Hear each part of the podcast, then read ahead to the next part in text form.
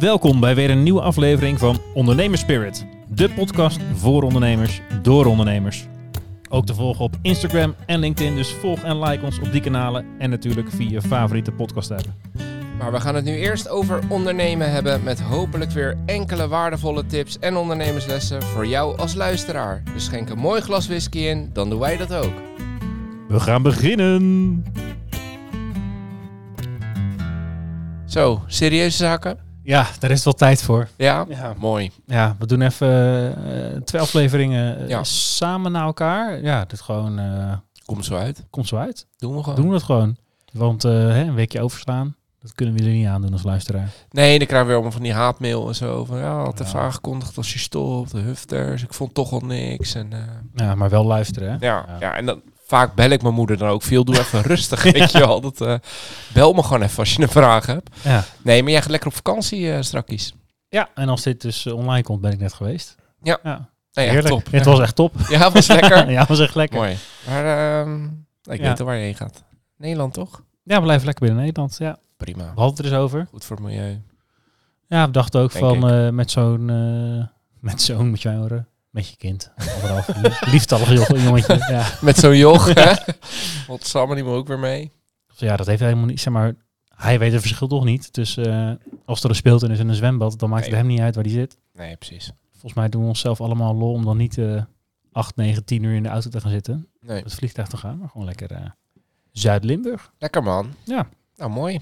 Misschien ook nog een paar pareltjes van whiskies. Weet je eigenlijk niet. Een eh, Limburgse distillerij?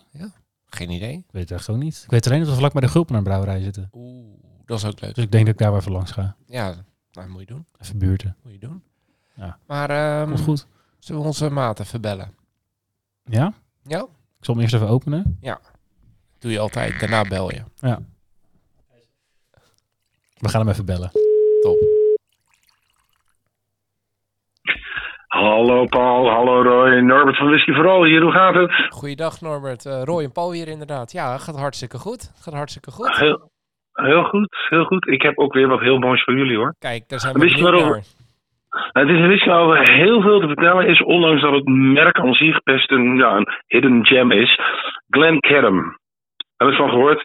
Het is een distillery in de Schotse hooglanden. En dan dat onderin in die hooglanden eh, en dan ja, ver in het oosten. Dat is een beetje de achterhoek van Schotland, zou je het haast kunnen noemen. Eh, een, distillery met een bescheiden, maar toch wel echt een interessante core range. En eh, de distillery bestaat ook al best lang. Hè. Over twee jaar vieren ze zelfs deel van lente het 200-jarige bestaan.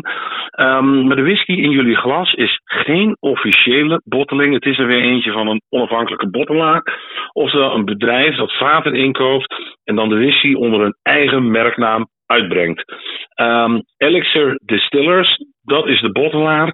Dat is een bedrijf van Sukinder Singh, als ik het goed uitspreek. Dat is een, een, Brit van Indiase komaf. In 1999 toen begon hij samen met zijn broer een winkeltje. Dat winkeltje zou uitgroeien tot een van de grootste slijterijen ter wereld. De Whisky Exchange. Is inmiddels overigens verkocht aan Pernod Ricard. Goed, in ehm, 2002 ging eh Singh die ging aan de slag als bottelaar. Meerdere series heeft hij uitgebracht. De eerste die hij begon was The Single Malts of Scotland. En daarvan proeven jullie nu een botteling. Eh, in die tijd heette het bedrijf overigens nog Specialty Drinks. In 2017 is de naam veranderd in Elixir Distillers. En dat zegt inderdaad iets over de ambities van het bedrijf. Want ze willen dus zelf ook whisky gaan maken. Ehm, die whisky in jullie glas, 11 jaar oud, gebotteld op 48% En ik wou nog heel eventjes daarbij zeggen of je hem nou lekker vindt of niet. Ik wil jullie en vooral de luisteraars ook sowieso oproepen om bij de slijter eens wat vaker te vragen naar wat meer onbekende, de wat meer bescheiden merken, zoals dat merk dat jullie in jullie glas hebben. Ik noem ze niet voor niets hidden gems, verborgen juweeltjes.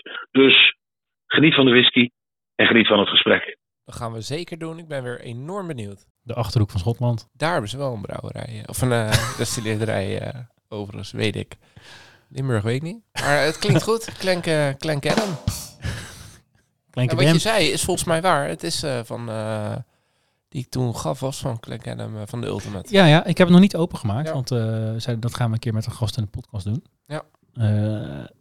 Ja, dat is ook, volgens mij is dat een elf jaar ouder, maar dan van de Ultimate eh, gebotteld. 11. Eh, en dit is dan de, de Single Malts of Scotland. Maar ook 11 jaar, toch? Ook elf jaar, ja. Ja. Ja, dus dat, eh, nou, ja, misschien moet ik hem binnenkort even, ja, daar kan jij niet mee profiteren. Maar die whisky exchange waar die Mr. Singh ehm, nu dus zo groot mee is geworden. Daar kom ik vaak op uit als ik zoek op wat Ja? bijzondere botteling. Ik denk, kan ik hem ergens kopen? Oh ja, Kom ik heel vaak daarop Ja, uit. klopt. Staat ook heel vaak bij out of stock. ja, ja, ja. Maar dan, ja, dat eh, is vaak daar ooit een keer te koop geweest. Ja. Hij is wel heel licht, hè? Hij is heel licht, ja. Ik, eh, hij ruikt een beetje naar ananas of zo, heb ik het. eh Ananas? associatie kan. Nou ja, ik- nee, nu ik het zeg, eh, helemaal niet meer. Ik weet niet waar het vandaan is. Ja, het komt opeens in me op. En dan pizza onder je stoel. eh. Ja. Wat is het? Ha- pizza met ananas. dat, Klenkendam eh, Hawaii hebben we. Klenkendam Hawaii. Nee, sorry man. Ik kom echt... eh, Nou, toch wel nu ook weer. Als ik er weer verder weg ga, dan komt er weer een zoetige walm. En dat associeer ik dan toch wel een beetje met een soort van... Ja, Nee, ik zit wel op die eh, ja, citrusvruchten. Een beetje peer. Peer ruik ik ook wel. Beetje zomers fruit wel. ja. Maar ik ruik ook wel iets... eh, ja, dat klinkt heel lullig. Iets, iets, iets eh, meer muffig-achtigs dan dit soort tropische vruchten. Zomers fruit van vorig jaar ruiken we, Ja. dames en heren. Ja, uit de kelder. We gaan gewoon proeven. Ja. Ik vind hem vrij scherp, zeg. Ja, 48 procent. Hele, hele scherpe smaak. Ik had niet echt veel meer fruit eruit. Wel een Uit het beetje begin, tabakachtig in de nasmaak. Maar de, de, af, de afdronk is wel zacht. Ja. Maar in het begin is hij heel eh, prikkelend, ja. Ja, dus eh, dat citrus vind ik er ook nog wel in zit, hoor. De tip was, eh, ga vaker voor de hidden gems. Ja, Maar het is wel Ja, een hele uitgesproken smaak. ja dat ik. wel. Maar dat is wel, eh, om nog even... ik weet niet of die nog plek heb in, eh, in de plek waar de zon niet schijnt. Maar laten we er nog even Oh. een veertje bij stoppen. Oh, ja, ja. Hij zoekt wel altijd pareltjes uit. Superleuk. Ja, dit zijn dingen die we zelf niet zo snel hadden gevonden waarschijnlijk. Nee, Maar misschien met de tip van eh, vragen eens aan eh, de slijter eh, van wat voor onbekende merken die ergens in de hoek van zijn slijter heeft staan. Ja. Om dit soort te vinden. Want wij hebben Norbert die het voor ons doet. Maar En vergeet ook niet dat een, een, een slijter is natuurlijk ook gewoon een ondernemer. Dus wat heeft hij in zijn winkel staan? Dat wat goed verkoopt. Maar 100% dat hij achter de voorraaddeur ook nog wel wat heeft staan. ja, Waar misschien net even die ene liefhebbende idioot waar, om ik moet vaak, vragen. eh, waar ik vaak kom, eh, die heeft eh, best wel veel whisky staan. Maar die heeft een aanzienlijk percentage staat niet in de winkel. nee, precies. Nee, precies. Want ik heb heel vaak als ik daar vraag van, ah, ik wil iets een beetje in deze trant. En Ja. ik had begrepen dat, weet ik veel, deze distillerij daar, daar ook iets van heeft. Maar zegt hij, nou, dan ga ik even achterkijken. Ja. Nee, maar daar staan waarschijnlijk dan de pareltjes die voor liefhebbers wel worden gewaardeerd. Dus dan kan hij. Ja. Ja. maar dan kom je ook met die vraag. En degene die zegt, joh, ja, mijn oom houdt van whisky, doe maar een flesje, want hij is jarig. Ja, dan kom je ook heel goed weg met eh, wat... Black Label. Bijvoorbeeld, maar misschien ook wel de, de, de wat meer basis vanuit de core range van... eh nou, weet ik veel, Glenlivet of zo, Glenfiddich. Wat goede whiskies zijn, maar ook wel makkelijk te verkrijgen. Ja, zeker. Ja. En dat doet uh, Whisky voor heel goed. En als we het dan toch over tips hebben, doe ook alsjeblieft een keer een proeverij bij hem. Als je nu luistert en denkt, ja, dat moet ik nou inmiddels wel een keer gaan doen. Doe het. Gegarandeerd je geld waard. Ja, je gaat eh, vaak onbekende dingen proeven. Mhm. En dat was hartstikke leuk. Ehm, met deze eh, ja, onbekende Glen, Glencaddam in ons glas Gaan we het uh, ergens was eh, ja, jouw voorstel om het te hebben over eh, uitbesteden. Uitbesteden. Ja, Moet je dat überhaupt al doen? Of eh, de timing daarvan? Wanneer moet je daaraan beginnen? heb ik daar ook een mening Ja. over? Heb je er ook een mening over? Ja, Die wil je vast horen. nou ja, uitbesteden Ja, het klinkt eh, een beetje natuurlijk als eh doen. slager die zijn eigen vlees keurt. Want ja, wij zijn ook een partij waarin je iets kan uitbesteden.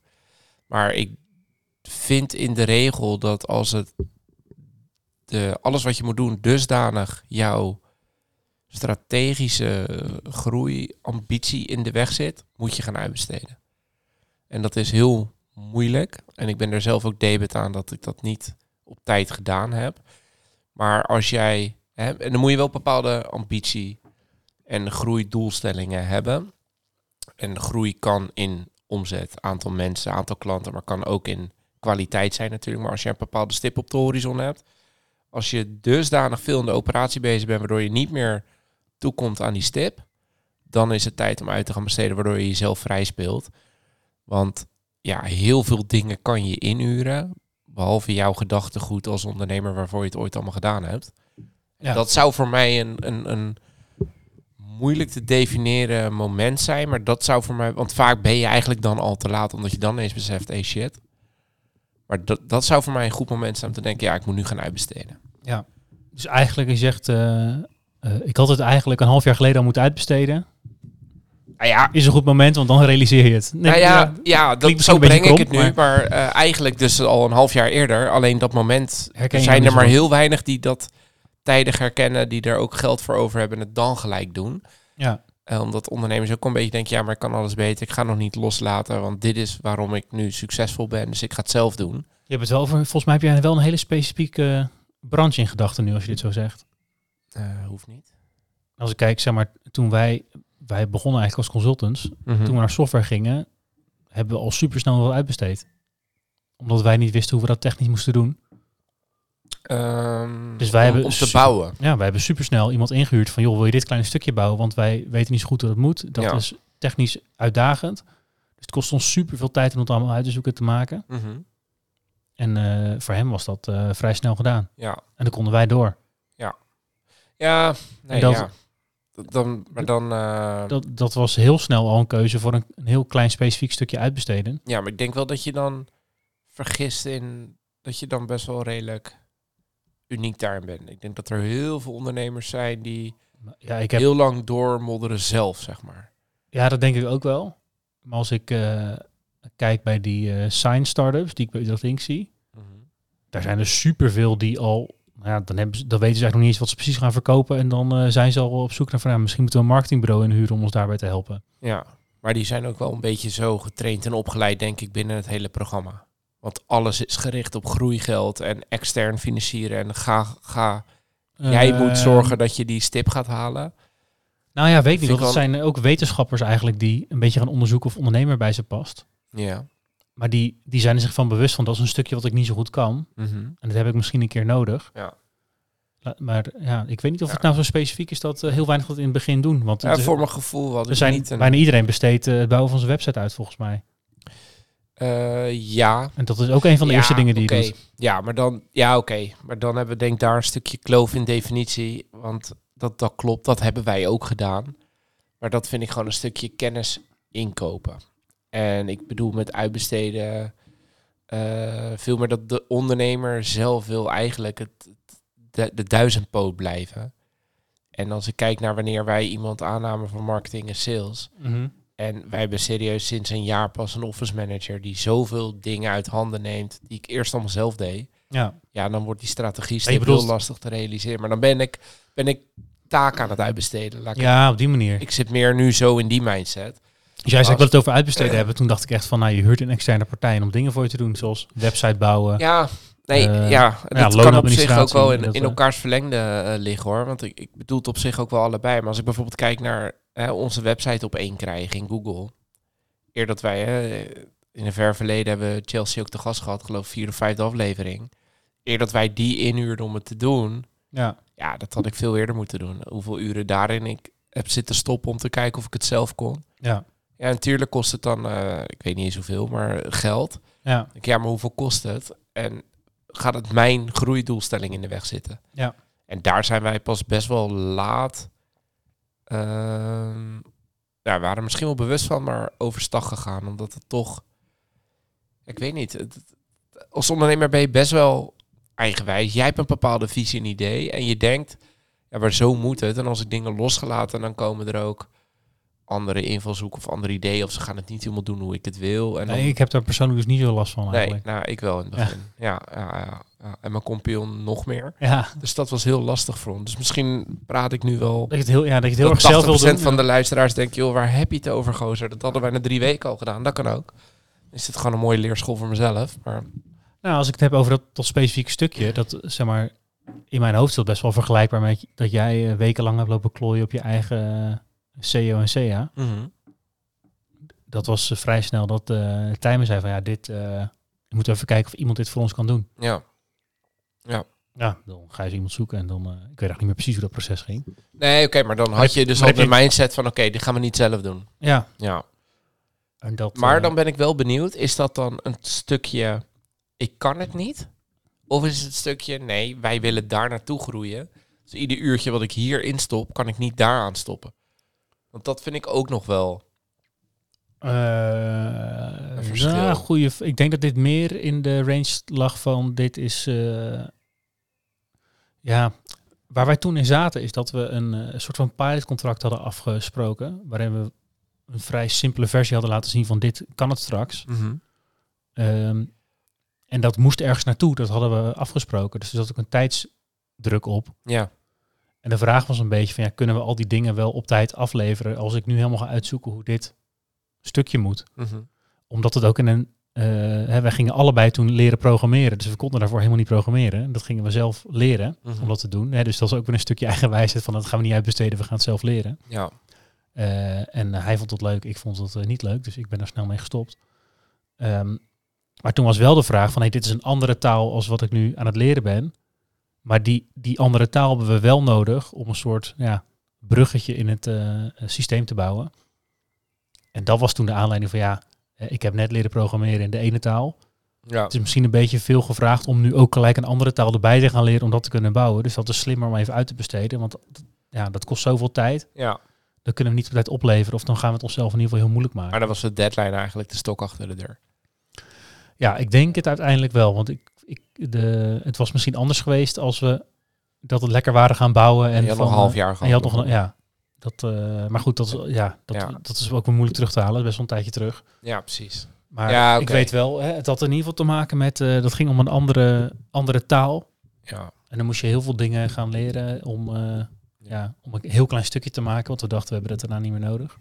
Nee, precies. Maar wat, wat, wat ik zeg maar bedoel met die, met die stip, hè, en, eh, nou, om, terug te grijpen op onze eh, aflevering met, eh met Akke van, eh, van IWB, die zei het heel mooi, hè, dat, dat kwadrant met niet urgent, super belangrijk. Ja. Dat stuk, eigenlijk is, denk ik dat op het moment dat je dagelijkse inhoudelijke dingen dat kwadrant in de weg gaan zitten, dan moet je eigenlijk al uitbesteden. Ja. Maar dat is denk ik ook wanneer heel veel ondernemers het nog niet doen.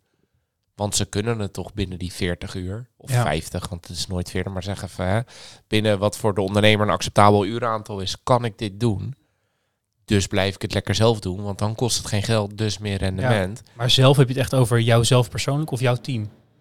Mm, kan allebei, maar zeker ik persoonlijk. Ja, want ik heb het meer op het teamniveau. Dat ik denk, als dingen echt heel belangrijk zijn, dan zou ik dat het liefst in-house hebben. Als het core eh, Ja. key is, zeg ja, maar. Ja, dat vind ik altijd zeker. ingewikkeld. Hè. We hebben ook een paar eh, eh, strategische marketingbureaus te gast gehad. Die dan zeggen, ja, wij helpen mee dat te definiëren. En daar helpen we mee op te zetten. Ja, dat vind ik altijd een beetje een lastig ding. Ik denk, ja, dat is eigenlijk de enige taak die je als ondernemer hebt. En ik vind het lastig om dat uit te besteden. Ja. ja, als je het volledig gaat uitbesteden, ben ik het met je eens. Maar als Ja, je ik snap wel dat je wordt door een, hele richtinggevende vragen, waardoor je eigenlijk voor jezelf een spiegel krijgt van ja, maar wat wil je nou eigenlijk? Ja, maar dan zou ik het meer coaching noemen. Nou ja, klopt. Maar daar hebben we er 200.000 van in het land. Dus ik Ja. snap dat dat eh, Ja, dus dat kan prima. Google technisch niet handig Ja. is om jezelf dan coach te noemen. Nee, maar als ik dan puur echt even naar mezelf kijk, dan, dan denk ik dat nog steeds, al is het minder, ik doe nog heel veel dingen die eigenlijk dat laatste stukje in de weg zitten. Waardoor we nog niet zijn waar we willen zijn. Dat laatste stukje bedoel Dat je laatste kwadrant, zeg maar. niet Dus urgente... niet urgent, maar wel heel belangrijk. Ja. Dat als ik nu niks doe, ga ik over vijf jaar mijn doelstelling niet halen. Ja. Daar heb ik heel veel dingen nog te doen. Ja. En heel weinig tijd maak ik daarvoor. Ja.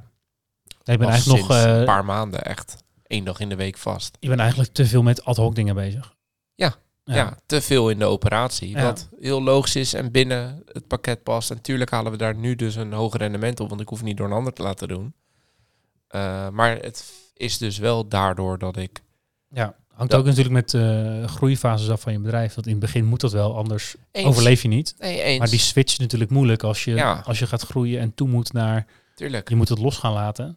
Ja. En dan, eh, ja, buiten kijf dat je wel de financiën moet kunnen hebben om het door een ander te laten doen.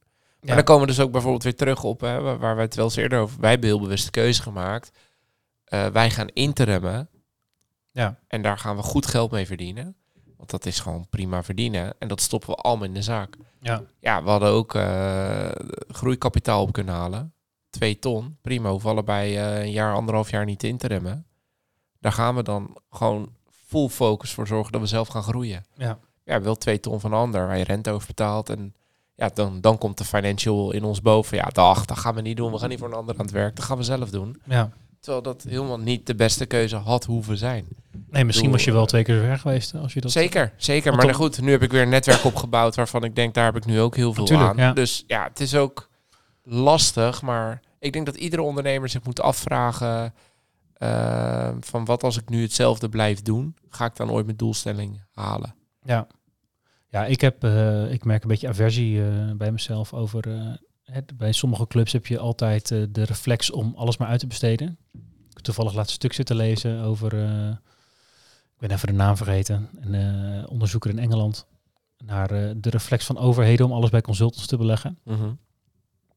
En dat, eh, dat er in principe niks mis is met extern advies invragen bij experts die iets kunnen uitzoeken en dan advies kunnen geven. Maar Ja. tegenwoordig zijn consultancies bezig met eh, iets uitzoeken, advies geven. Dan helpen ze mee met de uitvoering. Eh, en dan gaan ze daarna ook weer het evaluatierapport over schrijven. En Ja. altijd dat er nog wel wat meer begeleiding nodig is. Dus dat wordt maar meer en meer en meer en meer. En uiteindelijk zit de meeste expertise bij externe clubs in plaats van intern. Nou, ik, en dat is zeg maar echt mijn grootste nachtmerrie. Ja, eens. Nou, zoals je weet, ik heb bij het ministerie gezeten. En eh, bij die afdeling eh, zeiden we ook gewoon tegen elkaar... er is niks zo vast als een tijdelijk contract hier. Er liepen letterlijk Ja. mensen al 18 jaar rond. ja. 18 jaar. Als ZZP'er. Ja, schandalig. Ja. En wat voor constructie, geen idee. Want volgens mij mag het niet eens. Maar er was nog wel even voor dat we de, eh, al die eh, wet en regelgeving hadden rondom schijnconstructies en schijndienstverbanden. Dus ik denk dat die inmiddels wel voetzie is. Maar ja, dan, dan zit je voor, weet ik veel, 80, 90 euro het uur. Ja. 36 uurtjes. Dat is prima. Dan ben je nog één dag in de week vrij. Lekker 9 keer 4, 4 keer 9. ja. Acht jaar lang. Of Ja. 18 jaar lang. Ja, bizar toch? Maar dus ook dat is op individueel niveau. En dan is het natuurlijk heel direct.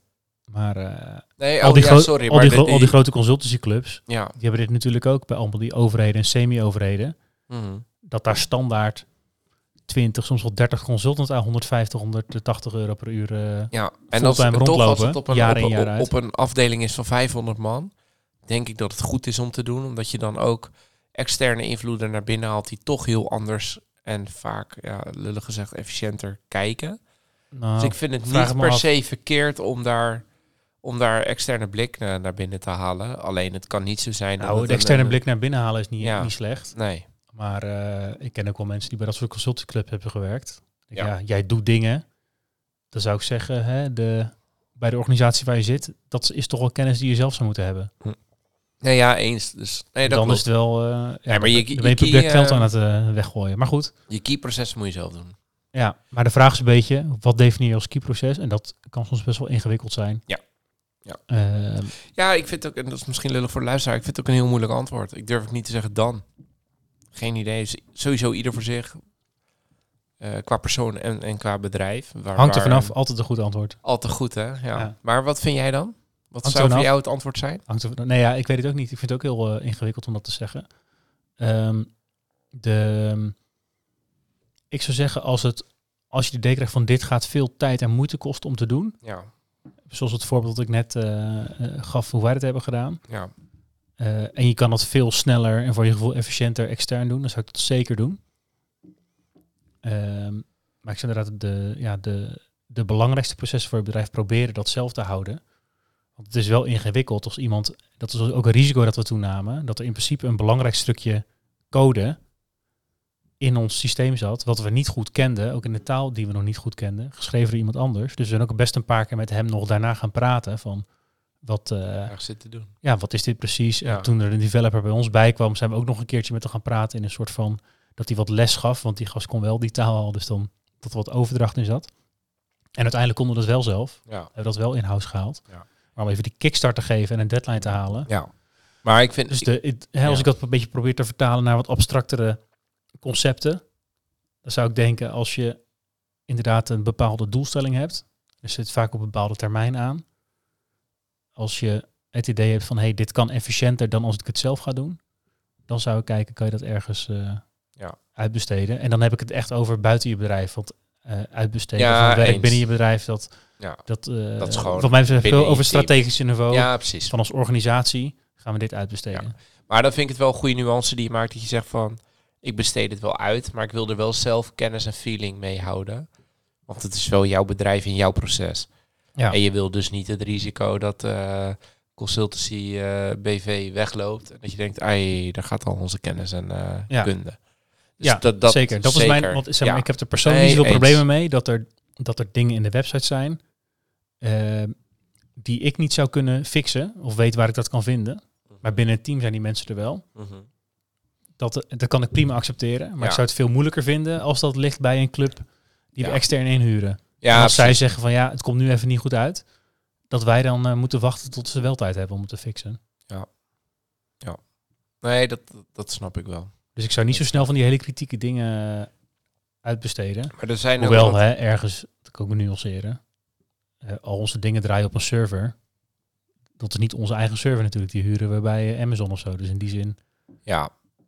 ja, je bent al in de globalisering altijd ergens wel van iemand afhankelijk. Ja, Als bij ons morgen eh, exact online gehackt wordt, ligt drie weken plat. Ja, hebben wij ook wel een uitdaging. dan ga je ook wel veel boze telefoontjes krijgen, denk ik. Waarschijnlijk wel, ja. En dan hebben we het contractueel heel goed geregeld dat het niet onze schuld is. Toch gaan we al die telefoontjes krijgen. Mhm. En terecht, weet je, dat zou ik ook doen. Nee, maar Ja. wat ik wel... Ik, kijk, ik vind... Ik denk dat je als ondernemer, als jij... Je hoeft niet per se de beste te zijn in iets. Maar je moet wel zorgen dat je de beste mensen om je heen verzamelt. Ja, En dat kan dus loondienst zijn, maar kan ook uitbesteden zijn. Dus ja, je moet altijd wel bij dingen afvragen. Als ik dit zelf ga doen, ja. ja, ik bespaar, weet ik veel, 500 euro in de maand. Maar wat kost het me? En ga ik ook echt hetzelfde resultaat halen als wanneer ik dan zijn of haar expertise inhuur op dat vakgebied? En ik denk dat dat antwoord bijna altijd nee is. Alleen je wil niet alles uitbesteden, maar je moet, als je wat groter wordt als ondernemer, ben je veel meer op strategisch niveau bezig. ja. Denk ik denk ik. als het kritiek je- is tot je, tot je operatie, Eens. dan, dan zou ik zeggen, dan wil je dat zo dicht mogelijk bij jezelf houden. Ja, bij jezelf als bedrijf. Ja, bij Intern. jezelf als bedrijf. Ja. Intern, ja. Ja, Ja. ik zou niet snel afhankelijk willen zijn van een derde. Nee. Bij dingen die kritiek zijn. Dat als een klant mij daarover belt, Mhm. Dat ik dan moet vragen aan iemand anders van, eh, joh, heb je tijd? Want ik zit met een eh, situatie. Ja. Ja, maar ja, ik heb een beetje het idee dat er bij jou geen middenweg is, zeg maar. Dat je het, of je doet het zelf, of je geeft het handen, volledig. Nee, nee, dat, dat Maar is het onderscheid tussen intern uit handen geven of extern uit handen geven. Ja, maar extern het handen geven bijvoorbeeld. Dat, dat kan toch prima? Ja, zonder zeker. dat je er... eh, Maar dat zou ik niet met dingen doen die kritiek zijn tot... maar Tot we- het platform. ge- geef zo'n voorbeeld van wat dan niet, wat dan kritiek is, zeg maar. wat niet kritiek is? Of wat Nee, wel kritiek wel, is? wel- wat zou je absoluut niet uitbesteden? Nou, de development van eh, hoe ons platform werkt. Ja. Van de analyse van Jij de zou nooit een externe developer inhuren, maar altijd die mensen in loonies nemen. Daar zou wel de voor kunnen uitgaan, ja. Oké. Voor misschien kleine, eh, kleine elementjes daarin. Ja. Dat zou prima kunnen. Dat en als nou de beste developer zegt dat doe ik wel, maar dat doe ik op urenbasis, want ik ben ZZP'er en ik ga nooit meer in loondienst. Maar ik garandeer wel dat je het beste resultaat krijgt. Nou, dat is dan eh, maar de vraag. Hangt van welk, stu- welk stukje code af in het platform. Ja, maar als dat een kritiek stuk is. Dat zou je dan ook, want ik neem aan dat je. nee, want als soort- het, als, die, als die het dan niet doet, en dat kan altijd. Ja, maar dan kan iemand die in dienst is ook. Ja, dus, maar dan moet er dus overdracht geregeld zijn. Dat iemand in dienst het ook kan. Dus je moet altijd mensen in dienst hebben die ja, maar dan zit je weer op het stukje van het mag prima uitbesteed zijn, maar ik wil wel dat de mensen die bij ons blijven snappen wat daar gebeurt. Ja, Maar dan kan je nog wel uitbesteden, toch? Dat is gewoon zeg maar handjes. En dan in dit geval handjes op hoog niveau. Maar ja, maar dan zijn het dus wel tijdelijke handjes. Dus als je denkt van wij hebben eh 40 uur te vullen ja, om dingen te maken, ja. dan zou ik daar niet snel een externe voor inhuren. Dan zou ik het liefst iemand in loondienst nemen. Misschien tot na een half jaar zoeken niet lukt, dan zou ik er misschien wel voor openstaan. Ja. Want je wil het toch gevuld hebben. Mhm. Maar als je zoveel werk te doen hebt, dan heb ik dat liever zelf in-house. Ja. En dat is puur vanwege de, eh, waarborg van continuïteit. Even los van Ja. ko- kosten. Ja, los, ja, los van kosten. Ja, natuurlijk snap ik ook wel, die externe zijn waarschijnlijk wat duurder. Maar het is ook, Ja. Je wil ook een teamgevoel en een cultuur creëren. En dan, Nee, ja, Eh, eens. eens. als er zoveel werk te doen is en je hebt daar eh, ook eh, het geld voor om dat, eh, om dat te betalen, Ja. dan heb ik liever diegene bij je team. Ja, dat ergens snap ik jou ook wel hoor. Alleen, ik weet niet. Ik heb het, eh, het idee dat jij eerder aan het uitbesteden was dan ik, maar dat ik er nu minder moeite mee heb dan jij. Dat dat ongeveer de conclusie is. Ja, ja, misschien wel, na ja. 20 minuten lullen, hoe ver staan we? Ja, 30 ongeveer. Ja. Ja. Dus Ja, dus we zijn er nog niet uit. Misschien moeten we het nog een keer over hebben. Ja, nou ja, of ja, ik, ik vind het wel lastig. Ik heb nu minder moeite met uitbesteden. En nogmaals, kijk, ik ga ook niet. eh, eh, hè, er zijn, we zijn ook wel eens benaderd, ook door mensen die ik, die ik heel goed ken en die hier een business op hebben gebouwd, die al het boekwerk in India of in Servië laten doen en daar een heel team hebben. Ja. Daar, dat, dat heb ik ook liever niet. Nee, ja, ik heb ook wel eens gezien eh, mensen die eh, pre- presentaties maken uitbesteden aan India. Ja, Nou, ja, ik heb wel eens presentaties gezien, daar word ik niet vrolijk van. nee. Maar ik vind ook dat. het- dan is het, zeggen ze ja, het is wel goedkoop. En dan doen zij het als ik lig te slapen s'nachts. En dan heb ik 's ochtends een presentatie. Ja. Ja, denk ik ja. Ja, in de kern heb je gelijk. Als ik het resultaat zie, dan ben je nog net zoveel tijd aan het besteden om dat netjes te maken. Of je hebt alsnog een lelijke presentatie. Ja, maar plus, het is jouw presentatie. Het is jouw verhaal. Ja, Dus als je dat goed wil overbrengen, dan moet je dat ook zelf voelen en leven, zeg maar. Even heel gechargeerd gezegd. ja. Dus dat, dat snap ik ook niet zo goed. Maar gewoon puur op handjesniveau kan je prima dingen uitbesteden. Maar dan heb ik wel zoiets dan wel binnen het bekende, zeg maar. Ik zou niet zo snel zeggen, jongens, we hebben 400 klanten. Er moeten 3000 bonnen in de week verwerkt worden. Eh, Er zit 10 man in Servië, succes. Ook was dat Oh veel ja. goedkoper dan mijn huidige personeelsbestand. Dat weet ik zeker. ja. Maar daar zou ik niet voor gaan. En waarom is dat dan? Omdat je het dan niet vertrouwt. Dat, ik weet niet of ik het kan vertrouwen. En dat voelt een beetje als een barrière. En dat is puur gevoel hoor. De, de grens over mensen die ik niet ken. Ik denk ook, hoe weet de Serviër hoe ons belastingssysteem werkt? Dus kennen ze alle regelgeving wel? Ja, Misschien allemaal onterecht, maar dat is gewoon een, ja, een beetje een onheimisch eh, gevoel krijg ik daarbij. Ja. Maar dat komt omdat ik het zelf goed ken. En CO en CA teksten schrijven, denk ik, ja, daar heb ik zelf geen verstand van. Als ik dan iemand inhuur en ik zie mijn site omhoog gaan in Google, dan denk ik, nou, Zal zal, het wel goed gaan. ja. En geen idee of dat sneller en goedkoper had gekund. Maar dat maakt ook niet uit, het toch? is Want als het je, waard. als je tevreden bent, ja, Precies. dan is dat goed. Dus dat zou ik dan uitbesteden. Dus ik zou de aanpalende zaken wel uitbesteden en de core dingen niet zo snel. Dus op Ja, nou, zijn we toch wel toch nog hoor. ergens het midden gevonden. Alleen, ehm, ja, ik heb Ja, er eh, nu... Een marketingdingen en zo, daar zou ik ook geen probleem mee hebben. Dat vind ik niet eh, core tot, tot de business. nee. We hebben wel eens gasten gehad die er anders over dachten, maar dat, dat Nee, is niet de core van wat wij doen. Ik ben geen marketingbureau, Nee, dus dat is niet nee, mijn core. Dat is iets je hebt wat... het wel nodig, maar het is niet, Nee, het is niet jouw bestaansrecht. nee, het helpt ons om, Bestaansrecht te hebben. ja, om meer mensen te bereiken. Precies. Ja. Maar dat, eh, dat is niet de core van wat we doen. Maar afsluitend, wat is nou het moment van uitbesteden? Hangt er vanaf. Hangt er vanaf. Ja. Ja. Ja, hoe je er zelf in staat. En Nou, het heeft heel veel te maken met, denk ik, hoe goed je dat eh, eh, los kan laten. En, Ja. Maar ik denk ook wat jij vindt wat de kern van jouw bedrijfsactiviteiten precies, zijn. zijn er dingen die je liever anders had willen... Nou, niet anders. Had je liever andere dingen willen doen? Als het antwoord er op ja is, dan moet je kijken, oké, van, maar wat van wat ik nu doe, kan ik dan uitbesteden waar ik ook een goed gevoel bij heb. Ja, en dan heb je het echt over van we hebben genoeg eh, geld om dat, die keuze zo te maken. Maar de- je kan, Of de optie om je, kan ook in situatie, je kan ook in een situatie zitten dat je, dat je weinig cash hebt. Ja. En dat uitbesteden toch slimmer is, omdat het, weet ik veel, het kost jou misschien wel drie weken om uit te zoeken hoe het werkt. Ja, En dat er ook iemand is die dat even in eh, een eh offerte traject van een paar dagen dat er doorheen pompt. en ja, zeker. Het is ook eh, soms wel gewoon de goedkopere oplossing. Dus Ja. concreet, denk bij iedere actie gewoon goed na Ja. of je het wel echt zelf wil doen. En wat voor bedrijf je wil zijn, dat is denk ik uiteindelijk de kern waar het op neerkomt. Ja. Nou, En dan ga ik jou, ondanks dat je al terug bent, een hele fijne vakantie wensen. dank je. Het was heerlijk. Tot de volgende. Tot de volgende. Dankjewel voor het luisteren naar weer een aflevering van Ondernemerspirit, de podcast. Hopelijk vol met wijze ondernemerslessen en natuurlijk inspiratie voor schitterende whiskies. Volg ons op Insta als je dit vaker wil. En subscribe natuurlijk eh, op Spotify. En help ons eh, zo aan een grotere fanbase. En eh, ja, dat wij meer ondernemers en whiskyliefhebbers kunnen inspireren met onze mooie verhalen samen en met een gast. Tot de volgende keer. Tot de volgende keer.